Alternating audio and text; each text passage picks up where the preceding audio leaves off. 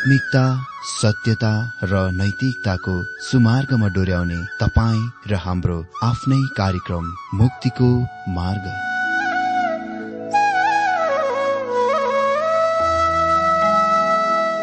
आदरणीय श्रोता यस मुक्तिको मार्ग कार्यक्रममा हार्दिक स्वागत छ। आशा छ यस आत्मिक कार्यक्रमद्वारा जीवनमा आत्मिक आशिष अलौकिक शान्ति र आनन्द प्राप्त गर्नुहुनेछ। र जीवनमा धन्य अनुभव गर्नुहुनेछ। आउनुहोस् श्रोता मन र आत्माको तयारीको लागि यो मिठो अनि मधुर भजन गीत सुनौ।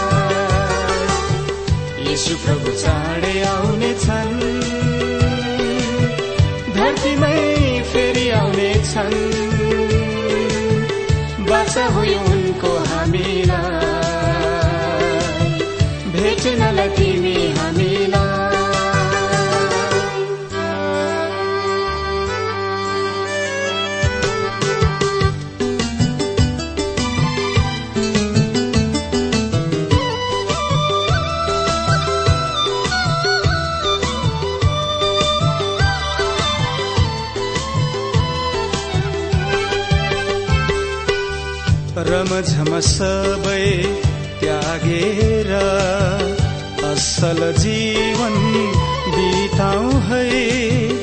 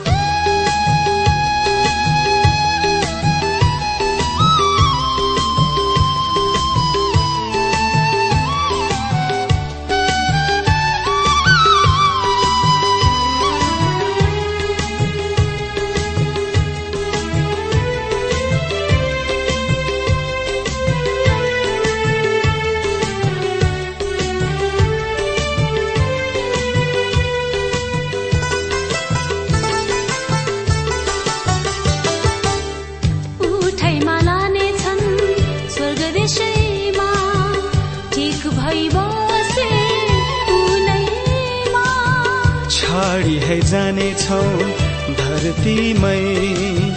ठिक भइ नबसे उनैमा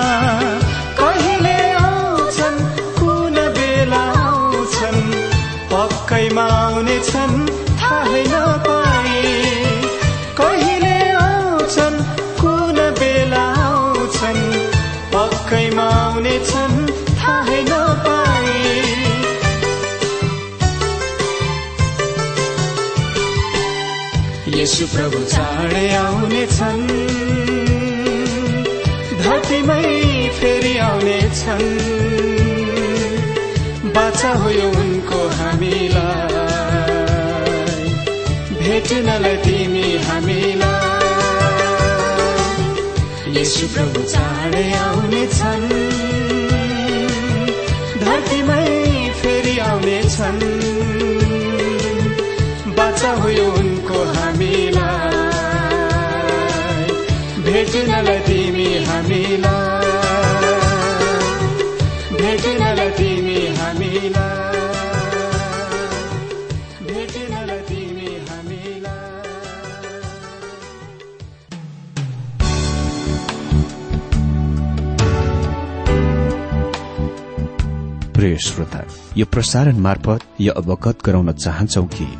प्रभुको सेवाको लागि यहाँहरूको साझेदारी नित्यन्त आवश्यकता छ। यहाँहरूले प्रार्थनाको साथसाथै आर्थिक सहायता गर्न अनुरोध गर्दछौ। तपाईँहरूको सानो भन्दा सानो भेटी किन नहोस्? हामी प्रभुको नाममा स्वीकार गर्नेछौ प्रभुको सेवाको लागि। तपाईँहरूको यो सानो लगानीले कसैको जीवनमा भिन्नता ल्याउँछ अनि प्रभुको महिमा हुन्छ। प्रभु तपाईँहरूलाई महान गरी आशिष दिनुहुनेछ। इच्छुक श्रोताहरूले तपाईँको इच्छा भेटी हाम्रो ठेगानामा पठाउन सक्नुहुन्छ जुन ठेगाना हामी कार्यक्रमको अन्तमा दिनेछौं। प्रभु येशु ख्रिस्टको मधुर अनि सामर्थ्य नाममा मेरो जयमसी तथा हार्दिक स्वागत छ आजको यो बाइबल अध्ययन कार्यक्रममा। श्रोता आज हामी बाइबल अध्ययन मलाकी एक अध्यायबाट देख्न अध्ययन गर्न आरम्भ गरिरहेका छौं। मलाकी ती उही समस्याहरूसँग व्यवहार गर्न गइरहेका छन् जुनसँग नहेमियाले व्यवहार गरेथे। अनि यसले यो प्रकट गर्दछ। मलाकी त्यो उही समयमा बोलिरहेका थिए। पहिलो समस्या चाहिँ पुजारीहरूको अशुद्धता र अपवित्रता हुनेछ। दोस्रो समस्या चाहिँ अन्य जातिहरूसँग तिनीहरूका विवाहहरू र आफ्ना इसरायली पत्नीहरूसँग विवाह विच्छेद छुट्टानामा थियो। मलाई विश्वास गर्नुहोस् परमेश्वर यस्ता कुराहरूको कड़ा गरेर निन्दा गर्नुहुन्छ। धेरै मानिसहरू मलाई विवाह विच्छेदको विषयसँग व्यवहार गर्न आग्रह गर्दछन्। मित्र म परमेश्वरको वचनमा जुनसुकै विषय आउँछ त्यसैको म लिन्छु। अनि परमेश्वर मलाकीमा विवाह विच्छेदको बारेमा कुरा गर्नुहुन्छ। अनि तेस्रो समस्या यो हो कि इसरायलका मानिसहरूले परमेश्वरलाई दशांश र भेटी दान दिन कामको उपेक्षा गरिरहेका थिए। व्यवस्था गरिरहेका थिए। मतलब दिइरहेका थिएनन्। आज हामी मलाकी एक अध्यय पद एकदेखि पाँच पदबाट बाइबल अध्ययन गर्नेछौ। यहाँ हामी देख्छौ इसरायलको लागि परमेश्वरको प्रेम। मलाकी एक अध्यय एक पदमा यस प्रकार लेखिएको छ एउटा ईश्वरबाणी मलाकीद्वारा इसरायललाई परमप्रभुको वचन। मलाकीको मतलब मेरो सन्देश वाहक उनी एक प्रकारको खबर सन्देश आदान प्रदान गर्ने हुलाकी जस्तै हुन् जसले परमेश्वरलाई इसरायलका मानिसहरू कहाँ सन्देश ल्याउँदछ। इसरायललाई परमप्रभुको वचन यहाँ उल्लेखित वचन चाहिँ दण्डको वचन हो। यो अति नै कठोर र धार्मिक हप्काई हुनेछ जुन परमेश्वरले तिनीहरूलाई दिनुहुनेछ। हामीले नोट गर्नुपर्ने कुरा यो हो कि मलाकीले इसरायललाई सम्बोधन गरिरहेका छन्। यसको मतलब सम्पूर्ण बाह्र कुलहरूलाई। यो अति नै लाग्दो कुरा छ कि इसरायलका कुलहरू वास्तवमा कति पनि गुम भएका छैनन् वा हराएका छैनन्। के तिनीहरू हराएर? यद्यपि आज कुनै मानिसहरूको दृष्टिमा तिनीहरू हराएको जस्तै देखिए तापनि तिनीहरू कहिले पनि गुम भएका थिएनन् हराएका थिएनन्। यो सन्देश इसरायललाई हो। सम्पूर्ण इसरायलका बाह्र कुलहरूलाई। त्यस मुलुकमा प्रत्येक कुलबाट अति नै कम बाँकी बचेका ईश्वरीय भक्तजनहरू ती इसरायलीहरू फर्किआएका थिए। तर परमेश्वरले तिनीहरूलाई सम्बोधन गर्नुहुन्छ। र अति नै स्पष्ट भावमा भन्नुपर्दा मलाकीको सन्देश यहाँबाट अरू कहाँ बाहिर गयो जो त्यस मुलुकमा फर्किआएका थिएन? नैमियाको पुस्तकले प्रकट गर्दछ त्यहाँ सुसञ्चार आदान प्रदान आवत जावत हुने गर्दथ्यो। त्यहाँ सन्देश वाहकहरू थिए जो कैद वा बन्धुवाको स्थानबाट बाबेलबाट इसरायलतिर आवत जावत गर्ने गर्दथे। हामी त्यो कुरा देख्न गइरहेका छौं कि सन्देश सम्पूर्ण कुलहरू कहाँ गएथ्यो। अनि दुई र तीन पदमा लेखिएको छ मैले तिमीहरूलाई प्रेम गरे परमप्रभु भन्नुहुन्छ तर तिमीहरू भन्छौ कसरी तपाईँले हामीलाई प्रेम गर्नुभयो र के यसौ याकुबको दाजु थिएनन् र? परमप्रभु भन्नुहुन्छ तापनि मैले याकुबलाई प्रेम गरे तर यसौलाई मैले हेला गरे र मैले त्यसको पहाड़हरूलाई रूखा पारिदिए र त्यसको उत्तराधिकार मरूभूमिका स्यालहरूको निम्ति छोडिदिए। मित्र मलाकीको सन्देश यो अति नै अद्भुत सुन्दर तरिकामा आरम्भ हुन्छ। मैले तिमीहरूलाई प्रेम गरे परमप्रभु भन्नुहुन्छ। के यो आरम्भ गर्ने शुरू गर्ने अद्भुत तरिका होइन र? अहिले तपाईँ कसरी सोच्नुहुन्छ कि यी मानिसहरूले त्यस कुराको प्रति जवाब दिइरहेका छन् या प्रतिक्रिया जनाइरहेका छन्? यो कुराको याद राख्नुहोस्। तिनीहरू आफ्नो मुलुकमा इसरायलमा फर्किआएका छन्। अनि नहेमेको समयसम्म यद्यपि तिनीहरू यरुसलेमको पर्खालको पुननिर्माणको बारेमा निरुत्साहित भए तापनि त्यहाँ सम्पूर्णताको र समृद्धताको केही झलक देखिन्थ्यो। अनि तिनीहरू पुननिर्मित मन्दिरमा आराधना उपासनाको औपचारिकतामा भएर गइरहेका छन् वा त्यसको अभ्यास गर्न गइरहेका छन्। तिनीहरू यसको धार्मिक अनुष्ठानमा भएर गइरहेका छन्। अनि बाहिर आकृतिमा वा बाहिर हेर्दा हरेक कुरा एकदम असल देखिन्दथ्यो। ओ तर तिनीहरू तिनीहरू कति तिरस्कारपूर्ण घमण्डी जटिल र तुच्छ निच झुण्ड हुन्। परमेश्वर तिनीहरूलाई भन्नुहुन्छ मैले तिमीहरूलाई प्रेम गरेको छु। परमप्रभु भन्नुहुन्छ हजुर अहिले तिनीहरूका कुराहरूलाई सुन्नुहोस्। तर तिमीहरू भन्छौ कसरी तपाईँले हामीलाई प्रेम गर्नुभयो र के तपाईँ विश्वास गर्न सक्नुहुन्छ कि यी मानिसहरूको परमेश्वरसँग त्यसरी बोल्ने साहस र आँट हुनेछ? तिनीहरू भन्छन् कुन तरिकामा र कसरी तपाईँले हामीलाई प्रेम गर्नुभयो? सायद आज पनि मण्डलीमा त्यहाँ धेरै त्यस्ता मानिसहरू छन् जसले बिल्कुलै यही प्रकारले प्रश्न खड़ा गर्दछन् र भन्छन् आज हाम्रा जीवनहरूमा घटिरहेका ती विकट परिस्थितिको हेर त। कसरी तिमी भन्न सक्छौ कि परमेश्वर हामीलाई प्रेम गर्नुहुन्छ भनेर? हजुर परमेश्वरले यो कुरा शुरूबाटै स्पष्ट पार्नु भएको थियो कि उहाँले तिनीहरूलाई प्रेम गर्नुहुन्थ्यो। तर उहाँले यो आफ्नो मुखले चाहिँ आरम्भमा भन्नुभएको थिएन। यो हामी बाइबलका अगाडिका पुस्तकमा उहाँले तिनीहरूलाई मौखिक रूपमा यो भन्नुभएको देख्दैनौ। तर पनि व्यावहारिक रूपमा क्रियामा उहाँले तिनीहरूलाई प्रेम गरिरहनु भएको थियो। जब तपाईँ व्यवस्थाको पुस्तकमा प्रवेश गर्नुहुन्छ त्यस बेलासम्म चाहिँ तपाईँ मोसाको समयमा आइपुग्नु भएको छ। तपाईँ उजाड स्थानमा हुनुहुन्छ र त्यहाँ तपाईँ चालिस वर्षसम्म हुनुहुन्छ। अनि यो कसैलाई यो विश्वास गर्न लगाउन एकदम कठिनको कुरा हुन गइरहेको छ कि परमेश्वर तिनीहरूलाई प्रेम गर्नुहुन्छ। तर व्यवस्थाको पुस्तकमा मोसाले के भन्छन्? सो कुराको सुन्नुहोस्। व्यवस्था दश अध्यय पन्ध्र पदमा लेखिएको छ तापनि तिमीहरूका पिता पुर्खामा नै आफ्नो प्यार खन्याई परमेश्वरले तिनीहरूलाई प्रेम गर्नुभयो। परमेश्वरले कसैलाई पनि कति पनि यो कुरा कहिले भन्नुभएको थिएन। तपाई जल प्रलयको समयमा र जल प्रलय पछिको समयमा हेर्नुहोस्। परमेश्वरले कसैलाई पनि त्यसो भन्नु भएन। परमेश्वरले अब्राहमलाई भन्नु भएन कि उहाँले तिनीहरूलाई प्रेम गर्नुहुन्थ्यो तर उहाँले निश्चय नै प्रेम गर्नुभयो। खास विचार चाहिँ यो हो कि परमेश्वर मानिसहरूलाई प्रेम गर्नुहुन्थ्यो भन्ने कुरा जताउन कति पनि आतुरीमा हुनुहुन्न थियो। तर यहाँ उहाँ भन्नुहुन्छ व्यवस्था दश अध्यायको बाह्र पदमा तापनि तिमीहरूका पिता पुर्खामा नै आफ्नो प्यार खन्याई परमेश्वरले तिमीहरूलाई प्रेम गर्नुभयो।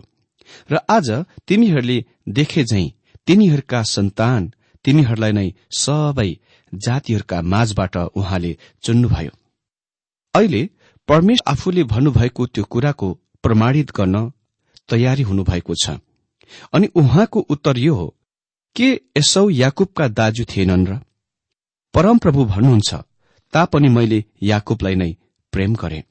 भनिएको छ तीन पदमा तर यसौलाई मैले हेला गरे र मैले त्यसको पहाड़हरूलाई रुखा पारिदिए र त्यसको उत्तराधिकार मरूभूमिका स्यालहरूको निम्ति छोडिदिए।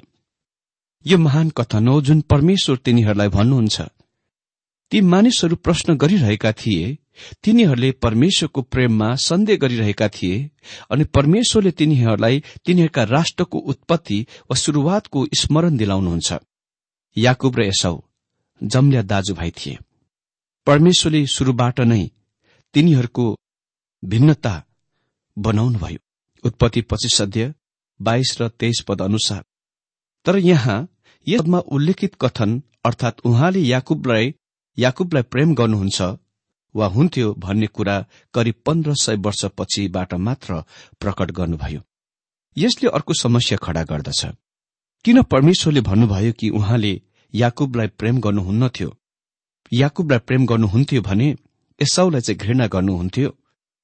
एकजना बाइबल कलेज विद्यार्थी स्वर्गीय प्रोफेसर डाक्टर गिभिट थोमस कहाँ त्यस प्रश्न लिएर आए। उसले भन्यो सर मसँग एउटा समस्या छ। किन परमेश्वर भन्नुहुन्छ कि उहाँले एसाउलाई हेला गर्नुभयो वा घृणा गर्नुभयो? डाक्टर थोमसले उत्तर दिनुभयो अ मसँग पनि त्यस पदको विषयमा समस्या छ तर मेरो समस्या चाहिँ तिम्रो समस्या भन्दा अलिक बेग्लै छ। मेरो समस्या हो किन परमेश्वरले भन्नुभयो कि उहाँले याकुबलाई प्रेम गर्नुभयो? त्यो खास समस्या हो। मेरो मित्र यहाँ खास समस्या चाहिँ किन परमेश्वरले भन्नुभयो कि उहाँले यो मानिसलाई प्रेम गर्नुभयो? तर एउटा कुरा हामी बुझ्छौं। परमेश्वरले कहिले पनि यो कुरा तबसम्म भन्नु भएन जबसम्म एसाउ र याकुब दुई महान राष्ट्र बनेनन् जुनसँग लामा इतिहासहरू थियो। त्यसकारण परमेश्वरले भन्नुभयो उहाँले याकुबलाई प्रेम गर्नुभयो किनभने उहाँ जान्नुहुन्थ्यो कि याकुबको हृदयमा के थियो। उहाँले जान्नुहुन्थ्यो कि यो मानिससँग उहाँको लागि इच्छा अभिलाषा थियो। र उहाँ जान्नुहुन्थ्यो कि एसाउसँग उहाँको निम्ति कुनै अभिलाषा र इच्छा चाहना थिएन। तर यहाँ मलाकीमा जुन प्रकारको कथन उहाँले बनाउनुभयो याकुब र एसाउको सम्बन्धमा त्यसको लागि उहाँले पन्ध्र सय वर्ष लिनुभयो। उहाँले तत्कालै त्यो भन्नु भएन हामीले यो कुराको बुझ्न आवश्यक छ। प्रेम गर्ने र घृणा गर्ने हेला बीच भिन्नता चाहिँ खालि यसोबाट आउने राष्ट्रको जीवन जुन एदोम हो र याकुबबाट आउने राष्ट्रको जीवन जुन इसरायल हो यसले यो कुराको स्पष्टसँग देखाउँछ कि परमेश्वर बिल्कुल सही हुनुहुन्थ्यो जब उहाँले भन्नुभयो उहाँले एउटालाई प्रेम गर्नुभयो भने अर्कोलाई घृणा गर्नुभयो। यो सबैले केही त्यस्ता कुराहरूको प्रकट गर्दछ जुनको हामीले सामना गर्नु पर्दछ। हामी परमेश्वरको प्रेमको बारेमा अति नै धेरै सुन्ने गर्छौं भन्ने गर्छौं बोल्ने गर्छौं। के तपाईँलाई थाहा छ यदि परमेश्वर प्रेम गर्नुहुन्छ भने परमेश्वरले घृणा पनि गर्नुहुन्छ।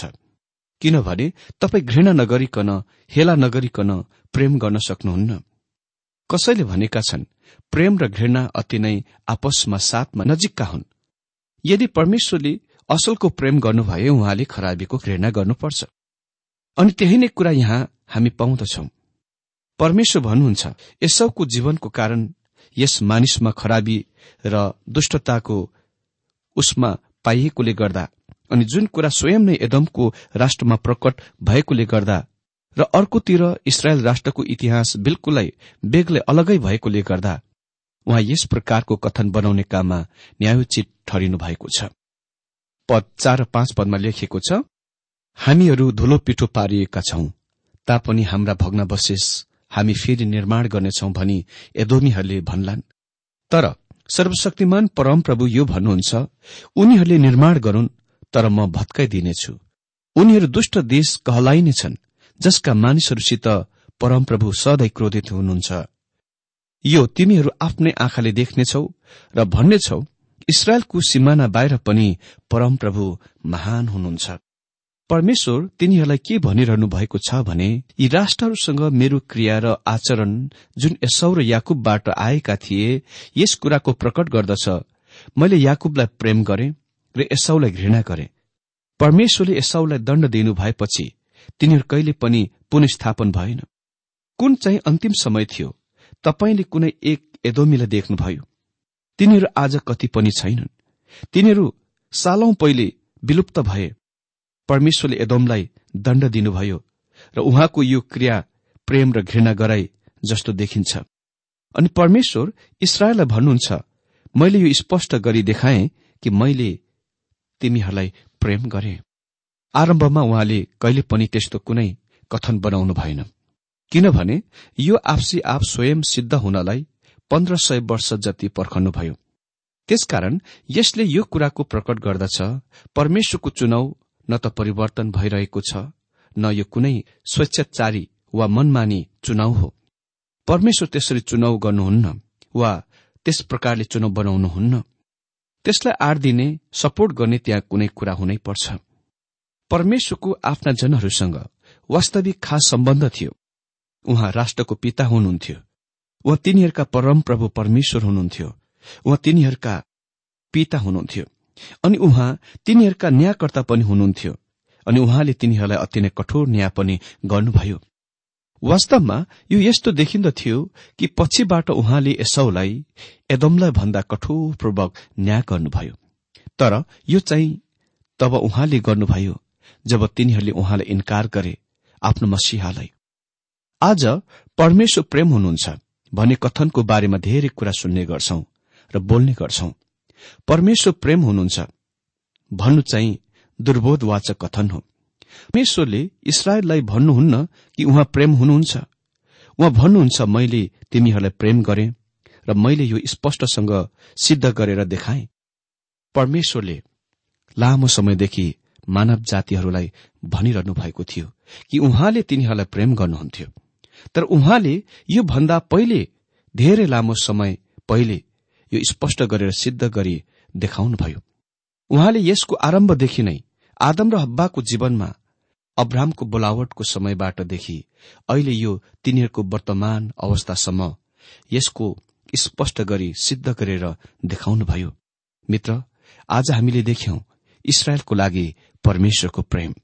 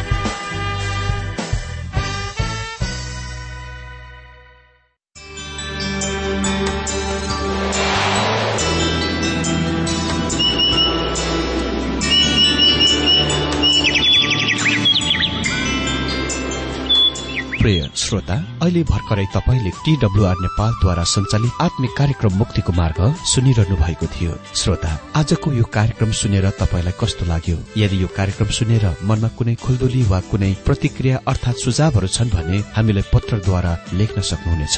हामी हृदयदेखि नै स्वागत गर्नेछौ स्वीकार गर्नेछौ साथै बाइबल सम्बन्धित प्रचारहरू कार्यक्रम सारणीहरू हामी अनुरोधमा पठाउन सक्छौ। अनि तपाईँसँग कुनै प्रार्थनाको विषय छन् भने हामीले तपाईँको लागि प्रार्थना गरेको चाहनुहुन्छ भने प्रभुमा आफ्नै परिवार सम्झेर हामीलाई पत्रमा लेख्न सक्नुहुनेछ।